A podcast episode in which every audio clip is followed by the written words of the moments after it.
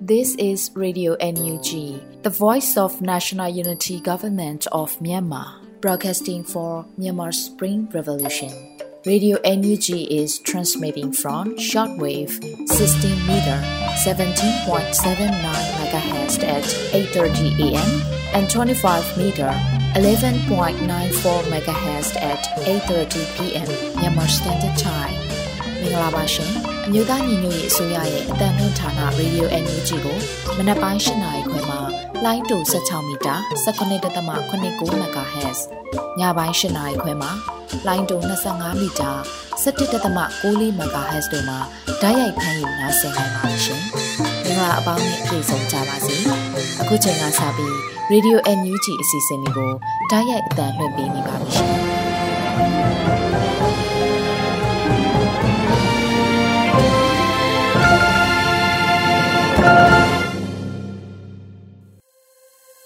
မြန်မာနိုင်ငံသူနိုင်ငံသားအပေါင်းတဘာဝပေးဆရာနာရှင်ဘီရူကနေကင်းဝေးပြီးကိုစိတ်နှစ်ပါးဘေးကင်းလုံခြုံကြပါစေလို့ရေဒီယိုအန်ယူဂျီဖွယ်သားများကဆုတောင်းမြတ်တာပို့သလိုက်ရပါတယ်ရှင်။အခုချိန်ကစပြီးကာကွယ်ရေးဝန်ကြီးဌာနရဲ့စီးရေးသတင်းချင်းချုပ်ကိုတော့မောင်ကျူးမှဖတ်ကြားတင်ပြပေးပါတော့မယ်ရှင်။မြို့သားညညရေးအစိုးရကာကွယ်ရေးဝန်ကြီးဌာနကထုတ်ပြန်တဲ့နေ့စဉ်စီးရေးသတင်းချင်းချုပ်ကိုတင်ပြပါတော့မယ်ခင်ဗျာ။စီးမြရာ စစ်ကောင်စီတပ်သား40ဦးသေဆုံးပြီး39ဦးထိခိုက်ဒဏ်ရာရရှိကြောင်းသိရှိရပါတယ်။စစ်ကောင်စီနဲ့တိုက်ပွဲဖြစ်ပွားမှုသတင်းများကိုပမာဥစွာတင်ပြပါမယ်ခင်ဗျာ။ချင်းပြည်နယ်မှာ2022ခုနှစ်စက်တင်ဘာလ25ရက်နေ့မနက်8:20မိနစ်ခန့်ကပဒူဝီမြို့နယ်ပဒူဝီခရိုင်ရုံးနယ်ငလိုင်းကျေးရွာကြားပဒူဝီဟာခါလန်းကိုနယ်မြေရှင်းလင်းလှုပ်ဆောင်လာတဲ့စစ်ကောင်စီစစ်ကြောင်းနဲ့ CDF မတူဘီတို့ထိတွေ့တိုက်ပွဲဖြစ်ပွားခဲ့ရာစစ်ကောင်စီတပ်သား၄ဦးသေဆုံးက၈ဦးထိခိုက်ဒဏ်ရာရရှိခဲ့ပြီး CDF မတူဘီကရဲဘော်တအူဒဏ်ရာပြင်းထန်ရရှိခဲ့ကြောင်းသိရှိရပါတယ်။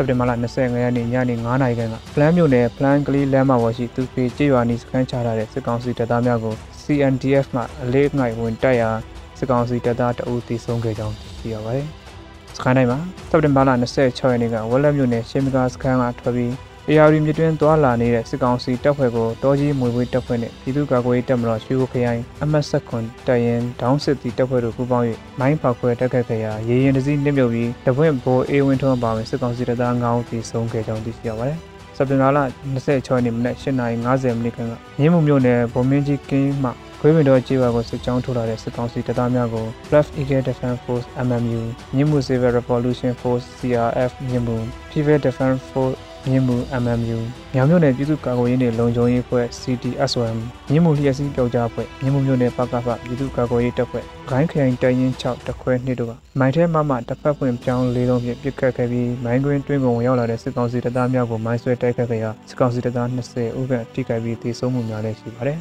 ။စက်တင်ဘာလ26ရက်နေ့မနက်၈နာရီခန့်ကတမိုးမြို့နယ်ထန်းတပင်ကျေးရွာကိုစစ်ကောင်စီတပ်သား80ခန့်က အိန္ဒိယနိုင်ငံဘက်ကကလေးမျိုးဘက်ကိုလွှဲပြောင်းယူထားတဲ့စစ်လက်နက်ပစ္စည်းများအသေးပြန်ရှေ့ပြေးစစ်ကြောင်းထွက်ရာပြည်သူ့ကာကွယ်ရေးတပ်မတော်တမှုခရိုင်တရဲများ FRD တို့ကမိုင်းဆွဲတက်ခတ်ခဲ့ရာစစ်ကောင်စီတပ်သား20ဦးခန့်သေဆုံးပြီး17ဦးထိခိုက်ဒဏ်ရာရရှိခဲ့ပါတယ်။စက်တင်ဘာလ25ရက်နေ့ကအင်ဒိုမြို့နယ်မော်လူးမြို့မှာတဘာကျွော်ကိုဆင်းလာတဲ့စစ်ကောင်စီတပ်သားများကို KIA ABSDF အင်ဒိုမြို့နယ်တော်လိုင်းတပ်ဖွဲ့များကပစ်ခတ်တိုက်ခတ်ခဲ့ရာတက်ကြက်ကြီးအပါအဝင်စစ်ကောင်စီတပ်သား2ဦးသေဆုံးခဲ့ပါတယ်။ စက်တင်ဘာလ25ရက်နေ့ကကလေးမျိုးနယ်တောင်စလိုက်ရက်ကွက်နဲ့မြို့လာရွာကိုဆက်သွယ်ထားတဲ့မြို့ဆောင်လမ်းပေါ်မှာမောင်းနှင်လာတဲ့ကားငါးစီးပါစစ်ကောင်စီရင်တန်းကို PDF ကလေးကမိုင်းဆွဲတက်ခတ်ခဲ့ရာကားတစ်စီးထိမှန်ခဲ့ပြီးထိုးရသွားကြောင်းသိရပါတယ်။စက်တင်ဘာလ25ရက်နေ့မနက်7:55မိနစ်ခန့်ကချောင်းမြို့နယ်ခင်မွန်ကျေးရွာနီစကိုင်းမြို့ကမုံရွာမန္တလေးလမ်းမတိုင်းမုံရွာမြို့ကိုထွက်ခွာလာတဲ့ထောက်ပို့ရင်တန်းကိုချောင်းမြို့နယ်ပြည်သူ့ကာကွယ်ရေးတပ်ဖွဲ့ CHU PDF တက်ခွဲလေးမိုင်းတက်ခွဲကမိုင်းဆွဲတက်ခဲ့တဲ့အတွက်စကောင်းစီကားတစ်စီးပျက်စီးရပ်တန့်သွားပြီးနေ့လယ်12နာရီ10မိနစ်ခန့်ကပျက်စီးသွားတဲ့ကားကိုလာရောက်စောက်ဆိုင်ပေးနေတဲ့ကားတစ်စီးကိုချောင်းမြို့နယ်ပကပအင်အားစုဖွဲ့ရင်းနဲ့လေ့ကျင့်ရေးတာဝန်ခံဦးစီးအင်အား၄ဦး CFU PDF တက်ခွဲမှအင်အား3တက်ခွဲလေးမှအင်အား3ပူပေါင်းဖွဲ့ကဝင်ရောက်ရှင်းလင်းကြရာ ကောင်းမွန်မှာပါရှိတဲ့စစ်ကောင်စီတပ်သား9ဦးနဲ့ခင်မွန်ခြေဆိုင်နာမခလက်ဆောင်ချမလာရောက်ကူညီတဲ့စစ်ကောင်စီတပ်သား2ဦးတည်ဆုံးကစစ်ကောင်စီတပ်သား2ဦးကိုဒဏ်ရာဖြင့်အရှင်ဖမ်းဆီးရရှိခဲ့ပါတယ်။အရှင်ဖမ်းဆီးရရှိမိသူ2ဦးနဲ့တဦးမှာဖမ်းဆီးခေါ်ဆောင်ရလမ်းမှာတည်ဆုံးခဲ့ပြီးကျန်2ဦးမှာစခန်းတွင်စေဝါကုသမှုပေးစဉ်တည်ဆုံးသွားခဲ့ပါတယ်။စစ်ကောင်စီများထံမှ BA72 G1 တလက် MA3 တလက် BA94 UC တလက်7.62ကပ္ပစာ20တောင် 5.56ကပတ်စ26တောင် 9mm ကပတ်စ15တောင်ဓမြောင်တစ်လက် Mindhead Keyfet တစ်လုံး Walkie Talkie တစ်လုံးတင်စီရရှိနေပြီးပြည်သူ့ကာကွယ်ရေးရဲဘော်2ဦးတရားရရှိခဲ့ကြောင်းသိရှိရပါတယ်။တနင်္လာရီတိုင်းမှာစက်တင်ဘာလ26ရက်နေ့မနက်9:18မိနစ်ခန့်က မင်းမျိုးဘက်ကစစ်ကောင်စီရင်တန်းကိုပြည်သူ့ကာကွယ်ရေးမဟာမိတ်ပူးပေါင်းတပ်ဖွဲ့များကဘလောမျိုးနယ်တဘိုကျေးရွာမှာတစ်ကြိမ်မနက်9:53မိနစ်ခန့်ကကြောက်ပစုံတောင်နေတွင်တစ်ကြိမ်မိုင်းဆွဲတက်ခဲ့ကြရာစစ်ကောင်စီတပ်သားများထိခိုက်ဒေဆုံးမှုရှိခဲ့ပြီးထိခိုက်ဒေဆုံးမှုကိုစုံစမ်းဆဲဖြစ်ကြောင်းသိရှိရပါတယ်။စစ်ကောင်စီကကျူးလွန်တဲ့ရာဇဝတ်မှုများအကြောင်းကိုဆက်လက်တင်ပြပါမယ်ခင်ဗျာ။ ရခိုင်ပြည်နယ်မှာစက်တင်ဘာလ26ရက်နေ့မနက်10:30မိနစ်ခန့်ကမင်းများမြို့နယ်ခေါင်းလောင်းချောင်းကျေးရွာတဲ့ကိုစစ်ကောင်စီကပစ်လိုက်တဲ့လက်နက်ကြီးတစ်လုံးဟာရွာဖုံးတော်ကြီးကျောင်းဝင်းထဲသို့ကြားရောက်ပါကွဲခဲ့ရာကျောင်းတွင်ပုံနေတဲ့ဘုံမောင်73နှစ်မက်ခိုင်စင်3နှစ်နဲ့မက်ဒန်ဒီချေ23နှစ်တို့ကိုကြီးစားများထိမှန်ခဲ့ပြီးတန်ရာရရှိခဲ့ကြောင်းသိရှိရပါတယ်။ စကိုင်းတိုင်းမှာစက်တင်ဘာလ26ရက်နေ့ကတမူးမြို့နယ်ကကလေးမျိုးဘက်ကိုစစ်ကြောင်း၃ကြောင်းနဲ့ပြန်သွားတဲ့စစ်ကောင်စီတပ်ဖွဲ့ဟာဒန်ကိုစီဆိုင်အနည်းရှိကိုထံပွိုင်းအိမ်ဆိုင်နဲ့နေအိမ်ကိုဝင်ရောက်မိရှုဖျက်ဆီးခဲ့ကြောင်းသိရှိရပါတယ်။စက်တင်ဘာလ25ရက်နေ့မနက်9:00နာရီခန့်ကဘောလမြို့နယ်ရွာသားကြီးကြီးရွာကိုစစ်ကောင်စီတပ်သားအင်အား30ခန့်ဟာဘောကားနဲ့ဝင်ရောက်ခဲ့ပြီးလက်နက်ကြီးများဖြင့်ပစ်ခတ်ဝင်ရောက်ခဲ့ကလမ်းစုံတိုက်ပေါ်မှာတက်ဆွဲနေထိုင်ခဲ့ပြီးနေအိမ်6လုံးမိရှို့ခဲ့တဲ့ပြင်စစ်ကောင်စီတပ်သားများရဲ့ပစ်ခတ်မှုများကြောင့်ပြည်သူ15ဦးထိခိုက်ဒဏ်ရာရရှိခဲ့ပါတယ်။ မန္တလေးတိုင်းမှာစက်တင်ဘာလ25ရက်နေ့ည8:00နာရီခန့်ကချမ်းမြသာစီမြို့နယ်65လမ်းနဲ့138လမ်းတောင်ရှိအောင်စီကန်းပိုင်ရှင်ဆရာဝန်ကိုရဲများကရဲဝတ်ဖြင့်ဝင်ရောက်ဖမ်းဆီးသွားကြောင်းသိရှိရပါတယ်။ယခုတင်ပြခဲ့တဲ့နေ့စဉ်စီးရီးသတင်းချင်းချုပ်ကိုမြေပြင်သတင်းတာဝန်ခံများနဲ့သတင်းဌာနများကတင်ပြထားတဲ့ချက်များပေါ်အခြေခံပြုစုထားတာဖြစ်ပါတယ်ကျွန်တော်မောင်ကျူပါ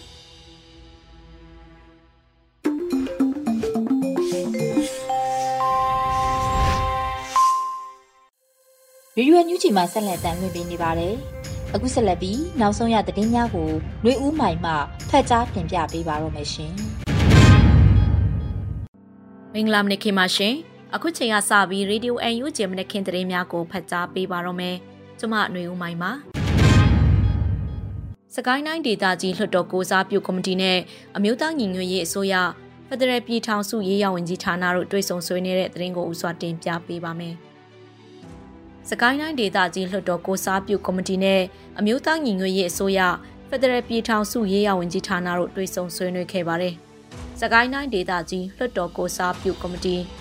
တိုင်းဒေသကြီးလွှတ်တော်ကိုယ်စားလှယ်များနဲ့အမျိုးသားညီညွတ်ရေးအစိုးရဖက်ဒရယ်ပြည်ထောင်စုရေးရာဝန်ကြီးဌာနတို့တွေ့ဆုံဆွေးနွေးပွဲကိုစက်တင်ဘာလ26ရက်နေ့နနက်10:00နာရီတွင်ဗီဒီယိုကွန်ဖရင့်မှတဆင့်ကျင်းပခဲ့ပါတယ်။တွေ့ဆုံဆွေးနွေးပွဲ၌တက်ရောက်လာကြသူများကအပြန်အလှန်မိတ်ဆက်ပြီးနောက် ဖက်ဒရယ်ပြည်ထောင်စုရေးရာဝန်ကြီးဌာနပြည်ထောင်စုဝန်ကြီးဒုတိယဝန်ကြီးအမျိုးသားဒီမိုကရေစီအဖွဲ့ချုပ်စကိုင်းတိုင်းအလုပ်အမှုဆောင်အဖွဲ့မှတာဝန်ရှိသူတို့တို့ကအဖွင့်မှာစကားပြောကြားခဲ့ပါတယ်။ထို့နောက်ဖက်ဒရယ်ပြည်ထောင်စုရေးရာဝန်ကြီးဌာနပြည်ထောင်စုဝန်ကြီးဒေါက်တာလျံမုံစာခေါင်းမှဝန်ကြီးဌာနရဲ့လက်ရှိဆောင်ရွက်နေမှုနဲ့ရှေ့လုပ်ငန်းစဉ်များအားတင်ပြဆွေးနွေးခဲ့ပြီးဝန်ကြီးဌာန၏ရှင်းလင်းတင်ပြမှုများပေါ်တက်ရောက်လာသည့်လွှတ်တော်ကိုယ်စားလှယ်များက ဆွေးနွေးမေးမြန်းအကြံပြုခဲ့ကြပါတယ်။တွဲဆုံဆွေးနွေးပွဲသို့စကိုင်းတိုင်းဒေသကြီးလွှတ်တော်ကိုစားပြုကော်မတီဝင်များတိုင်းဒေသကြီးလွှတ်တော်ကိုယ်စားလှယ်များဖက်ဒရယ်ပြည်ထောင်စုရေးရာဝန်ကြီးဌာနပြည်ထောင်စုဝန်ကြီးဒေါက်တာလျံမုံစာခေါင်းဒုတိယဝန်ကြီးမိုင်းဝင်းထူးနဲ့ရုံးအဖွဲ့ဝင်များတက်ရောက်ခဲ့ပါတယ်ရှင်။ဆက်လက်ပြီး drone များအနာဂတ်ကာလများအတွက်အရေးပါလာမှာဖြစ်၍ drone squad များအနေဖြင့်သူတည်တနာနဲ့ ဖွံ့ဖြိုးရေးဆိုင်ရာကိစ္စရပ်များတွင်ပုံမအားစိုက်ထုတ်ရန်ကာကွယ်ရေးဒုဝန်ကြီးနိုင်ကောင်းရွက်ဆိုလိုက်တဲ့သတင်းကိုတင်ပြပေးပါမယ်။ drone များအနာဂတ်ကာလများအတွက်အရေးပါလာမှာဖြစ်၍ drone squad များအနေဖြင့်သူတည်တနာနဲ့ဖွံ့ဖြိုးရေးဆိုင်ရာကိစ္စရပ်များတွင်ပုံမအားစိုက်ထုတ်ရန်ကာကွယ်ရေးဒုဝန်ကြီးနိုင်ကောင်းရွက်ကဆိုပါတယ်စက်တင်ဘာလ26ရက်နေ့နေ့လယ်ပိုင်းကကာကွယ်ရေးဒုဝန်ကြီးဦးဆောင်သော Project Skywalk အဖွဲ့သားများနဲ့ Project Skywalk တွင်အဓိကပါဝင်ခဲ့ကြသည့် drone အဖွဲ့များနဲ့တွေ့ဆုံခဲ့ရမှာကာကွယ်ရေးဒုဝန်ကြီးကဆိုပါတယ် drone များသည့်အနာဂတ်ကာလများအတွက်အရေးပါသောနေရာတွင်ပုံမပါဝင်လာမှာဖြစ်ပြီး drone squad များအနေဖြင့်သူတည်တနာနဲ့ဖွံ့ဖြိုးရေးဆိုင်ရာကိစ္စရပ်များတွင်ပုံမအားစိုက်ထုတ်ရမှာဖြစ်ကာတိုက်ခိုက်ရေးလေ့ကျင့်ရေးလုပ်ငန်းများကိုပါပူးတွဲလှုပ်ဆောင်ရမည်ဖြစ်ကြောင်းဒုဝန်ကြီးကဆိုခဲ့ပါတယ်။ဆွေးနွေးပွဲသို့ Force for Federal Democracy, Falcon Wings, Hyper UAV Force, Golden Eagle People Defense Force, Mandalay PDF နဲ့ People Force မှဤပညာတာဝန်ခံတိုက်ခိုက်ရေးတာဝန်ခံနဲ့သူတည်တနာတာဝန်ခံများတက်ရောက်ခဲ့ကြပါတယ်ရှင်။ဆက်လက်ပြီး Spring Mandalay Investment အင်အားစီမံကိန်းမြေကွက်များဝယ်ယူရန်အယောင်ကိုယ်စားလှယ်များထံမြေကွက်300ကျော်ကြိုတင်အမှားစာတင်ထားပြီးတဲ့အကြောင်းကိုတင်ပြပေးပါမယ်။ Spring Mandalay Investment အင်အားစီမံကိန်းမြေကွက်များဝယ်ယူရန်အယောင်ကိုယ်စားလှယ်များထံ မြေကွက်300ကျော်ကြိုတင်အမှားစာတင်ထားပြီလို့သိရရှိပါရယ်။စက်တင်ဘာ26ရက်ညပိုင်းမှာ EOD project ကတည်ပြီးဆိုပါရယ်။ရွှေမြို့တော်မန်းလေးဟာတော်လှန်ရေးမှာဘယ်တော့မှသွေးမအိတ်ခဲ့ပါဘူး။အခုလက် Spring Mandalay Investment မြေကွက်တွေစတင်ရောင်းချတော့မယ်။ကိုယ်စားလှယ်တွေစီမှာစင်းပေးလို့ရပါပြီဆိုတာနဲ့မြေကွက်300ကျော်ကြိုတင်အမှားစာတင်ထားကြပြီးပြီးစတင်ရောင်းချမဲ့နောက်9ရက်အတွင်းမှာအများကြီးထပ်တိုးလာအောင်မှသိချပါရယ်။နိုင်ငံအနာဂတ် ကိုမျိုးဆက်ရှိရဲ့အတွက်ပရအတ္တညီမြတဲ့အခုလို EOD project မျိုးမှာရင်းနှီးမြှုပ်နှံကြတဲ့မန်တာမန်းသူတွေနဲ့ပြည်သူအပေါင်းကိုဥညွတ်ဂုံပြုလိုက်ပါတယ်လို့ဆိုထားပါတယ်။နှွေဦးနှင်းစီနှွေဦးရောင်စင်နဲ့နှွေဦးတောင်ရိပ်မျိုးတို့မှာမန်းလေးမြို့ရဲ့အချက်ချကြသောနေရာများတွင်တည်ရှိပြီးဝယ်ယူသူများမှာလည်းတော်လိုင်းကာလဖြစ်၍တန်ဖိုးဤ40ရာခိုင်နှုန်းကိုသာ3လအတွင်းပေးချေနိုင်ပြီးကြံ60ရာခိုင်နှုန်းကိုတော်လှန်ရေးကာလအပြီးစီမံကိန်းစတင်သောကာလတွင် အရစ်ကြပေးချေရမှာဖြစ်ပါတယ်။ MOPFI တို့အစောဆုံးပထမနေ့တွင်ငွေပေးချေဝယ်ယူသူများဟာအထူးအစီအစဉ်အနေနဲ့မိမိနှစ်သိရမြေကွက်များကိုစိတ်ကြိုက်ဝယ်ယူနိုင်မှာဖြစ်တယ်လို့လည်းဆိုထားပါရရှင်။ဆက်လက်ပြီးမမများနဲ့ပွဲကမယ်ချင်းမကွေး project အတွက်80ရာခိုင်နှုန်းအထိပံ့ပိုးကူညီမှုရရှိတဲ့တဲ့ရင်ကိုတင်ပြပေးပါမယ်။မမများနဲ့ပွဲကမယ်ချင်းမကွေး project အတွက် 80ရာခိုင်နှုန်းအထိပံ့ပိုးကူညီမှုရရှိထားတယ်လို့သိရရှိပါရယ်။စက်တင်ဘာလအတွင်းမှာမမများနဲ့ပွဲကမယ်အစီအစဉ်ကထောက်ပံ့ကူညီရရှိမှုကိုအတိပေးဆိုပါရယ်။မမများနဲ့ပွဲကမယ်ချင်းမကွေး project အတွက်ယနေ့အထိနိုင်ငံအလိုက်ပါဝင်မှုအခြေအနေလေးပါမရှင်က80ရာခိုင်နှုန်းအောင်မြင်ပြီးပြီမလို့နောက်ထပ်30ရာခိုင်နှုန်းပဲလိုပါတော့တယ်လို့ဆိုပါတယ်။မမများနဲ့ပွဲကမဲ့အစီအစဉ်ဟာတော်လှန်ရေးအင်အားစုများကိုအဓိကထောက်ပံ့တာဖြစ်ပြီးတော့ ယခုတစ်ခေါက်မှာတော့ချင်းမကွေးနေရာများကိုပံ့ပိုးသွားမှာဖြစ်ပါတယ်ရှင်။ဆက်လက်ပြီးချင်းပြည်နယ်ကံပလက်မြို့နယ်မှာရဲနဲ့စစ်ကောင်စီတပ်သားတအူလက်နက်နဲ့အတူအလင်းဝင်ခိုလုံ၍ဂုံပြူချီးမြှင့်ငွေများပေးအပ်တဲ့တဲ့ရင်ကိုတင်ပြပေးပါမယ်။ချင်းပြည်နယ်ကံပလက်မြို့နယ်မှာရဲနဲ့စစ်ကောင်စီတပ်သားတအူလက်နက်နဲ့အတူအလင်းဝင်ခိုလုံ၍ဂုံပြူချီးမြှင့်ငွေများပေးအပ်ခဲ့ပါတယ်။ စက်တင်ဘာ26ရက်မှာ CDF ကံပလက်မှအတီးပေးဖော်ပြပါရယ်။ချင်းပြည်နယ်ကံပလက်နယ်တွင်လက်ရှိတာဝန်ထမ်းဆောင်နေသောတပ်မတော်သားနေသူအောင်နဲ့ရဲတပ်သားဗန်ဒိန်းတို့မှအလင်းဝင်လိုကြောင်းဆက်သွယ်လာခဲ့ရာမိမိတို့ CDF ကံပလက်မှတွားရောက်ကြိုးဆိုခေါ်ဆောင်ခဲ့ပါရယ်။တတ်မှတ်ထားသောကွန်ပျူတာချင်းမြင့်ငွေများကိုပေးအပ်ခဲ့ပြီး၎င်း၏သဘောဆန္ဒအရလွတ်မြောက်နေမည်သို့ပို့ဆောင်ပေးခဲ့လို့ဆိုပါရယ်။၎င်းတို့နဲ့အတူပါလာသောပစ္စည်းများမှာ G3 တလက် MA2 တလက် G3G ပေါင်2ခု MA2G ပေါင်4ခု G3G 28တောင်း MAG 346တောင်း G ကတထဲတော့ဖြစ်ပါတယ်။ CDF ကံပလဲမှပြည်သူနဲ့ပူးပေါင်းလို့သောမိတိရဲနဲ့တက်မတော်သားကိုမစိုးဝေးထွေးစွာဖိတ်ခေါ်လဲရှိရလို့ဆိုထားပါရရှင်။ဆက်လက်ပြီးရေးမြုံနယ်စသုံးလုံးယုံဖောက်ခွဲတဲ့တရင်ကိုတင်ပြပေးပါမယ်။ဝန်ပြည်နယ်ရေးမြုံနယ်စသုံးလုံးယုံကိုဖောက်ခွဲတိုက်ခိုက်ခဲ့တယ်လို့ဆိုပါတယ်။ စက်တင်ဘာ26ရက်နနက်9:00နာရီမှာမိုင်းခွဲတိုက်ခိုက်ခဲ့လို့ MSRO ဒေါ်လာရဲ့အဖွဲ့ကဆိုပါတယ်။အဆိုပါမွန်ပြည်နယ်ရေးမြို့နယ်စသုံးလုံးယုံကိုမိုင်းထောင်ဖောက်ခွဲခဲ့ခြင်းဖြစ်ပြီးတော့ရုံးခန်းဖြစ်စည်းမှုတို့ရှိတယ်လို့ MSRO ကအတည်ပြုပါတယ်။မွန်ပြည်နယ်အခြေပြုဒေါ်လာရဲ့အဖွဲ့အစည်း MSRO ဟာစစ်ကောင်စီတပ်များအားစစ်ဆက်မပြတ်စစ်စင်ရေးများပေါ်ဆောင်နေတာလည်းဖြစ်ပါတယ်ရှင်။ ဆက်လက်ပြီးမင်းပြမြို့နယ်တွင်ရခိုင်တပ်တော် ULA AA နဲ့စစ်ကောင်စီတို့အကြားတိုက်ပွဲပြင်းထန်ကစစ်ကောင်စီဘက်မှကြီးရီလေးတပ်ဖွဲ့များပူးပေါင်းတိုက်ခဲ့တဲ့တဲ့ရင်ကိုတင်ပြပေးပါမယ်။ရခိုင်ပြည်နယ်မင်းပြမြို့နယ်တွင်ရခိုင်တပ်တော် ULA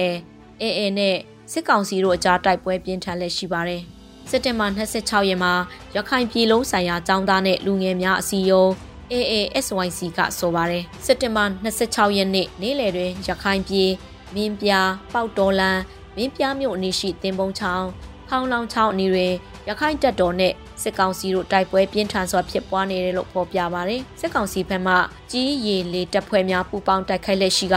ဒေသခံများထွက်ပြေးတိမ်းရှောင်နေကြရပါတယ်လက်ရှိရခိုင်ပြည်နယ်မှာစစ်ပေးရှောင်ပြည်သူ6000ကျော်ရှိပြီးလူသားချင်းစာနာမှုအကူအညီများလိုအပ်လျက်ရှိပါတယ်ရှင် ဆက်လက်ပြီးပလောမြို့နယ်မှတက်လာတဲ့စစ်ကောင်စီကား၃စီးကိုကဆယ်ရိုဖက်ဒရယ်စစ်ကြောင်းကကြားဖြတ်တိုက်ခိုက်ရာစစ်ကောင်စီတပ်ဖွဲ့ဝင်လေးဦးသေဆုံးတဲ့တဲ့ရင်ကိုတင်ပြပေးပါမယ်။ပလောမြို့နယ်မှတက်လာတဲ့စစ်ကောင်စီကား၃စီးကိုကဆယ်ရိုဖက်ဒရယ်စစ်ကြောင်းကကြားဖြတ်တိုက်ခိုက်ခဲ့ရာစစ်ကောင်စီတပ်ဖွဲ့ဝင်လေးဦးသေဆုံးခဲ့ပါတယ်။စစ်တင်မာလ26ရက်မွန်းလွဲတနာရီ15မိနစ်အချိန်၌တရက်ချောင်းမြို့နယ်အောက်တရက်ချောင်းကျေးရွာတွင်ပလောမြို့နယ်မှတက်လာသည့်စစ်ကောင်စီကား၃စီးကို တိုက်ခိုက်ခဲ့တယ်လို့ဆိုပါတယ်။စက်တင်ဘာလ26ရက်မွန်းလွဲတနာရီ15နာရီအချိန်၌တရက်ချောင်းမြို့နယ်အောက်တရက်ချောင်းကျေးရွာတွင်ပလောမြို့နယ်မှတက်လာသည့်စစ်ကောင်စီကား၃စီးကိုကဆယ်ရိုဖက်ဒရယ်စစ်ကြောင်းကကြားဖြတ်တိုက်ခိုက်မှုကြောင့်စစ်ကောင်စီတပ်ဖွဲ့ဝင်လေးဦးသေဆုံးပြီးအချို့တန်ရာရရှိပါတယ်လို့ဖော်ပြပါရယ်။ကဆယ်ရိုဖက်ဒရယ်စစ်ကြောင်းမှစစ်သေးတော်များတစုံတရာထိခိုက်မှုမရှိဘဲလုံခြုံရတော့အောင်မြင်စွာဆုတ်ခွာနိုင်ခဲ့ပါတယ်ရှင်။ ဆက်လက်ပြီးကရင်နီပြည်နော်လဝိုးလောင်ခွဲတောင်ကုန်းတွင်တက်ဆွဲထားတဲ့စစ်ကောင်စီတပ်များကိုတိုက်ခိုက်ခဲ့ရာအကြမ်းဖက်စစ်ကောင်စီဖက်မှနှုတ်သေးဆုံးတဲ့တရင်ကိုတင်ပြပေးပါမယ်။ကရင်နီပြည်နော်လဝိုးလောင်ခွဲတောင်ကုန်းတွင်တက်ဆွဲထားတဲ့စစ်ကောင်စီတပ်များကိုတိုက်ခိုက်ခဲ့ရာအကြမ်းဖက်စစ်ကောင်စီဖက်မှနှုတ်သေးဆုံးခဲ့ပါတယ်။ကရင်နီပြည်နယ်လွိုင်ကော်မြို့နယ်နော်လဝိုးလောင်ခွဲတောင်ကုန်းတွင်တက်ဆွဲထားသည့်အာနာသိန်းအကြမ်းဖက်စစ်အုပ်စုကိုတိုက်ခိုက်ခဲ့တယ်လို့ KNDF B12 ကဆိုပါတယ်။ စက်တင်ဘာ26ရက်နာနဲ့6နိုင်တွင်နော်လဝိုးလန်းခွဲတောင်ကုန်း၌တပ်ဆွဲထားသောစစ်ကောင်စီစခန်းကုန်းကို KNDF B12 KNDF B14 KNDF B02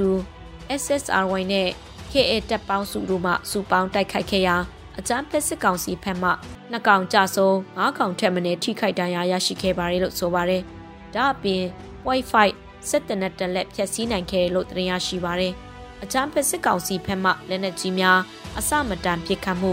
လက်နက်ကြီးအင်အားနေပါမှု RPG 7 40mm 60mm တို့မလုံလောက်တို့ကြောင့်နနက်9နာရီခွဲခန့်တွင်ပြန်လည်ဆုတ်ခွာခဲ့ကြရလို့သိရှိရပါတယ်ရှင်။အခုတင်ပြပေးခဲ့တဲ့သတင်းတွေကိုတော့ Radio UNG သတင်းထောက်မင်းမင်းကပေးပို့ထားတာဖြစ်ပါတယ်ရှင်။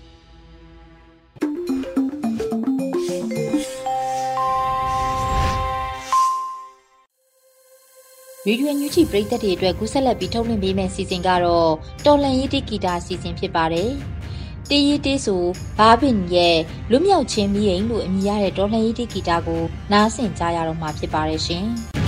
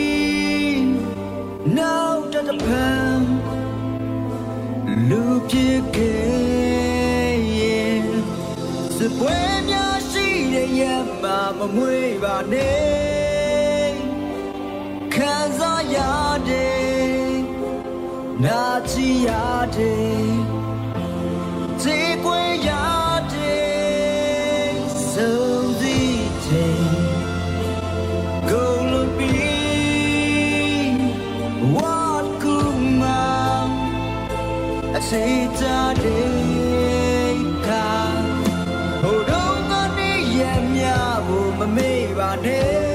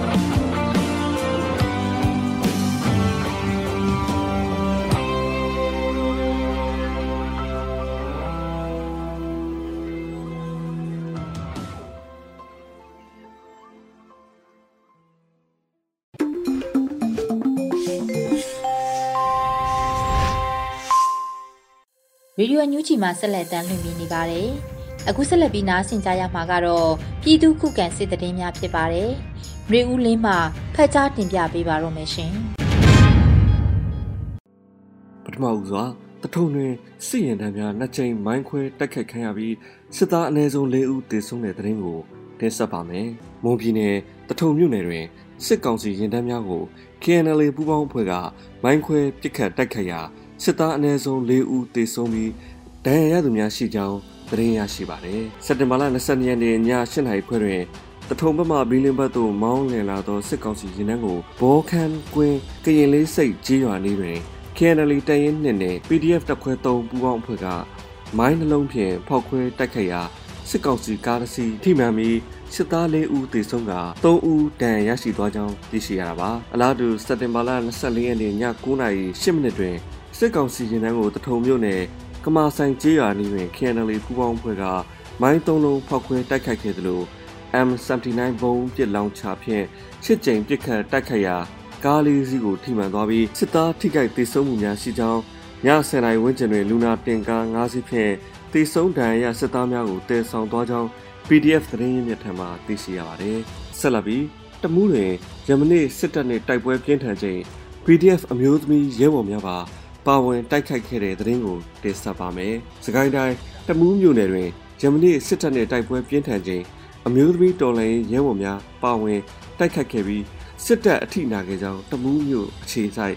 ဒေသကာကွယ်တပ်များထံမှသိရှိရပါတယ်။စက်တင်ဘာလ24ရက်နေ့မိုးလွဲပိုင်းမှညနေပိုင်းအထိတနင်္လာနေ့ပါတိုက်ပွဲဖြစ်ပွားခဲ့ပြီးအသာစီးဖြင့်စစ်ကောင်စီတပ်များအထိနာအောင်တိုက်ခိုက်နိုင်ခဲ့ကြောင်းအမျိုးသမီးစစ်သည်များကလည်း လက်တံပြောင်စွာပါဝင်တိုက်ခတ်ခဲ့ကြောင်းသိရှိရတာပါ။နောက်ဆုံးအနေနဲ့ချင်းပြည်နယ်မတူပီနဲ့ဖလန်းမြို့နယ်တွင်စစ်တပ်နဲ့ချင်းတပ်ဖွဲ့များကြားတိုက်ပွဲများဖြစ်ပွားပြီးစစ်သား9ဦးသေဆုံး10ဦးထပ်မံတန်ရာရရှိတဲ့တဲ့ရင်ကိုဆက်လက်တင်ဆက်မှာပါ။ချင်းပြည်နယ်မတူပီမြို့နယ်ဖလန်းမြို့နယ်များတွင်အကြမ်းဖက်စစ်တပ်နှင့်ချင်းဒေသကာကွယ်တပ်ဖွဲ့များကြားစက်တင်ဘာလ25ရက်နေ့တွင်တိုက်ပွဲများဖြစ်ပွားပြီးစစ်ကောင်စီဘက်မှ9ဦးသေဆုံးက10ဦးထပ်မံ ဒဏ်ရာရရှိခဲ့ကြောင်းချင်းတပ်ဖွဲ့ဝင်များထံမှသိရှိရတာပါ။မတူပီမျိုးစစ်ကောင်စီခရိုင်ရုံးနှင့်ငလိုင်ရွာကြားတွင်ယနေ့နနက်8:20မိနစ်မှ17နာရီထိစစ်ကောင်စီတပ်နှင့် CDF မတူပီကြားတိုက်ပွဲဖြစ်ပွားပြီးစစ်ကောင်စီဘက်မှ4ဦးသေဆုံး10ဦးထပ်မံဒဏ်ရာရရှိကြောင်းချင်းတပ်ဖွဲ့များထံမှသိရှိရတာပါ။မတူပီမျိုးစစ်ကောင်စီခရိုင်ရုံးနှင့်ငလိုင်ကြီးရွာကြားတွင်ယနေ့နနက်8:20မိနစ်မှ17နာရီထိ စစ်ကောင်စီတပ်နှင့် CDF မတူပီကြားတိုက်ပွဲဖြစ်ပွားပြီးစစ်ကောင်စီဘက်မှ၄ဦးသေဆုံး၈ဦးထပ်မံဒဏ်ရာရရှိကြောင်း CDF ရဲဘော်တအုပ်ပြင်းထန်ဒဏ်ရာရရှိခဲ့ကြောင်းသိရှိရပါတယ်။မတူပီခြေဆိုင်ခလာရ140တပ်ရင်းမှတပ်ဖွဲ့များသည့်ဂျပနီမှစတင်ကမတူပီဟာခါလမ်းပိုင်းတွင်နယ်မြေရှင်းလင်းစစ်ကြောင်းထိုးနေကြောင်း CDF မတူပီကသတင်းထုတ်ပြန်ထားပါတယ်။အလားတူဖလန်းမြို့နယ်သူဖေကျေးရွာနီးတွင်စခန်းချထားသော အကြမ်းဖက်စစ်ကောင်စီတပ်များသည့်ယနေ့ညနေ9:00နာရီခန့်တွင် သူဖေကျွေးရာအတွင်းလှည့်လည်ကြစဉ်ချင်းမျိုးသားတပ် CNO CNDF မှအလစ်ငိုက်ဝင်းရောက်တိုက်ခိုက်ခဲ့ရာအကြမ်းဖက်စစ်ကောင်စီတပ်သားတအူသေဆုံးကြောင်းနဲ့ CNDF တပ်ဖွဲ့များအထိခိုက်မရှိဆုတ်ခွာနိုင်ခဲ့ကြောင်းသိရှိရပါတယ်ခင်ဗျာ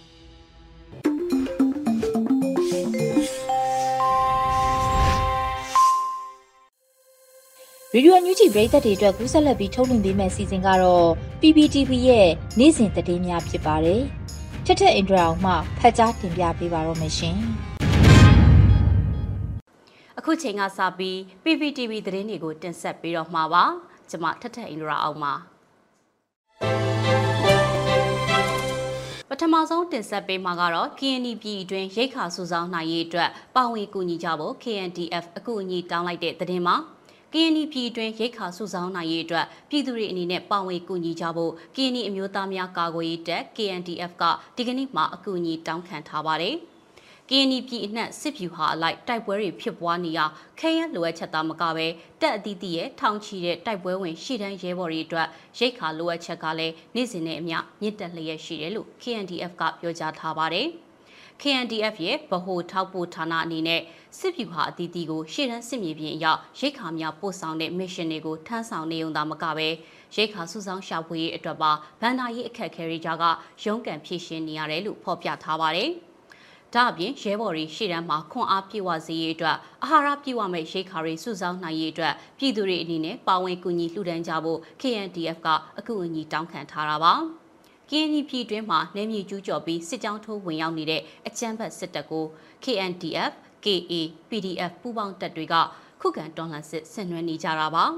အကြမ်းဖက်စစ်တပ်ကကင်းနီပြည်တွင်းမှာစစ်ဘေးရှောင်နေရတဲ့ပြည်သူတွေရဲ့နေအိမ်တွေထဲဝင်ပြီးတော့တံမိုးရှိတဲ့ပစ္စည်းတွေခိုးယူတာဒေသခံတွေမွေးမြူထားတဲ့တရိတ်ဆန်တွေကိုတပ်ဖြတ်စားတောက်နေတာတွေပြုလုပ်နေတဲ့အပြင်စစ်ရှောင်တွေနေထိုင်ရာနေရာတွေကိုပါလက်နက်ကြီးတွေနဲ့ပစ်ခတ်မှုတွေပြုလုပ်နေတာလည်းဖြစ်ပါတယ်။ ဆက်လက်တင်ဆက်ပေးမှာကတော့ Cobra စစ်ကြောင်းနဲ့ပူးပေါင်းတပ်ဖွဲ့က drone sniper တွေနဲ့တိုက်ခိုက်ခဲ့လို့တပတ်အတွင်းအကြမ်းဖက်စစ်တပ်ဘက်က20ဦးခန့်သေဆုံးသွားတယ်ဆိုတဲ့သတင်းကိုတင်ဆက်ပေးပါမယ်။ကရင်မျိုးသားစီရော KNU တပ်မဟာ6နယ်မြေမြောက်ရီဝေါ်လီလမ်းမှာတိုက်ပွဲတွေဆက်လက်ဖြစ်ပွားနေပြီးအကြမ်းဖက်စစ်ကောင်စီတပ်ကတေဆုံးထိခိုက်မှုတွေရှိခဲ့ပါတယ်။အကြမ်းဖက်စစ်တပ်ကအဲ့ဒီဒေသကိုကျူးကျော်ဖို့ကြိုးစားနေတဲ့အပေါ်မှာ KNU ရဲ့ကရင်မျိုးသားလွတ်မြောက်ရေးတပ်မတော် KNLA တပ်ရင်း20ခွန် ကော့ဘရာစစ်ကြောင်းနဲ့တပ်မဟာစစ်ကြောင်းတပ်ခွဲနှစ်ပူးပေါင်းတပ်တွေကတိုက်ခိုက်ခဲ့တာပါစက်တင်ဘာလ25ရက်နေ့မှာတောင်နီကျေးရွာအနီးတောင်ကုန်းတစ်ခုပေါ်မှာရှိတဲ့အကျန်းဘတ်စစ်ကောင်စီတပ်ကိုပူးပေါင်းတပ်ဖွဲ့ကတိုက်ခိုက်ခဲ့ရမှာအကျန်းဘတ်စစ်ကောင်စီလောက်ခံခမရ104တပ်ကတပ်ဖွဲ့ဝင်3ဦးသေဆုံးခဲ့တယ်လို့ကော့ဘရာစစ်ကြောင်းကထုတ်ပြန်ပါတယ်။တေဆုံးသွားတဲ့အကြမ်းဖက်စစ်ကောင်စီတပ်ဖွဲ့ဝင်တွေဟာပူးပေါင်းတပ်ဖွဲ့ရဲ့စနိုက်ပါစစ်တီတော်တွေလက်ချက်ကြောင့်တေဆုံးတာဖြစ်တယ်လို့လည်းအသိပေးထားပါတယ်။ ကော်ဘရာစစ်ကြောင်းနဲ့ပူးပေါင်းတပ်ဖွဲ့ရဲ့စနိုက်ပါစစ်တီတော်တွေတိုက်ခိုက်မှုကြောင့်ပြီးခဲ့တဲ့ရက်ပိုင်းတွေကလည်းအကြမ်းဖက်စစ်ကောင်စီတပ်ဖွဲ့ဝင်တွေတေဆုံးထိခိုက်မှုရှိခဲ့ပါတယ်။ပြီးခဲ့တဲ့တပတ်အတွင်းစနိုက်ပါစစ်တီတော်ရဲ့လက်ချက်ကြောင့်အကြမ်းဖက်စစ်ကောင်စီတပ်သား14ဦးထပ်မံတေဆုံးခဲ့ပြီးဒရုန်းနဲ့ပုံကျဲတိုက်ခိုက်မှုတွေကြောင့်စစ်ကောင်စီတပ်သား9ဦးထပ်မံတေဆုံးခဲ့တယ်လို့ကော်ဘရာစစ်ကြောင်းရဲ့သတင်းထုတ်ပြန်ချက်မှာဖော်ပြထားပါတယ်။မြောက်ရီဝေါ်လီလမ်းပေါ်မှာတိုက်ပွဲတွေပြင်းထန်နေပြီးအကြမ်းဖက်စစ်ကောင်စီတပ်တွေထိခိုက်ကြဆုံးမှုများပြားနေတယ်လို့ ဖက်စစ်စစ်တပ်ကိုစွန့်ခွာပြီးတော့ပြည်သူရင်ဝင်ကိုခုံလုံလာတဲ့တပ်ဖွဲ့ဝင်အရေးအတွက်ဟာလည်းတနေ့ထက်တနေ့ပုံမှုများပြားနေတယ်ဆိုပြီးတော့လည်းဖော်ပြထားပါတယ်။ကျေးဇူးတင်ပါတယ်ရှင်။ဒီကနေ့ကတော့ဒီညနဲ့ပဲ Radio NUG ရဲ့အစီအစဉ်လေးကိုခਿੱတရနာလိုက်ပါမယ်ရှင်။ မြမစံတော်ချိန်မနက်၈နာရီခွဲနဲ့ည၈နာရီခွဲအချိန်တွေမှာပြန်လည်ဆုံတွေ့ကြပါစို့။ Radio NUG ကိုမနက်ပိုင်း၈နာရီခွဲမှာလိုင်းတူ16မီတာ19.8 MHz ညပိုင်း၈နာရီခွဲမှာလိုင်းတူ25မီတာ17.6 MHz တို့မှာဓာတ်ရိုက်ဖမ်းလို့နိုင်စေနိုင်ပါပြီ။မြန်မာနိုင်ငံသူနိုင်ငံသားတွေကိုစိတ်နှပြစမ်းမချမ်းသာလို့ဘေးကင်းလုံခြုံကြပါစေလို့ Radio NUG အဖွဲ့သူဖွဲ့သားတွေကဆုတောင်းမြတ်တာပို့တာလိုက်ရပါတယ်ရှင်။ မြေသားညီမတွေအစိုးရရဲ့စက်သွေးရေးသတင်းအချက်အလက်တွေပညာဝန်ကြီးဌာနကထုတ်လွှင့်နေတဲ့ Radio NUG ဖြစ်ပါတယ်။ San Francisco Bay Area အခြေစိုက်မြန်မာမိသားစုတွေနဲ့နိုင်ငံတကာကစေတနာရှင်လို့အားပေးနေတဲ့ Radio NUG ဖြစ်ပါတယ်။အရေးတော်ပုံအောင်ရမည်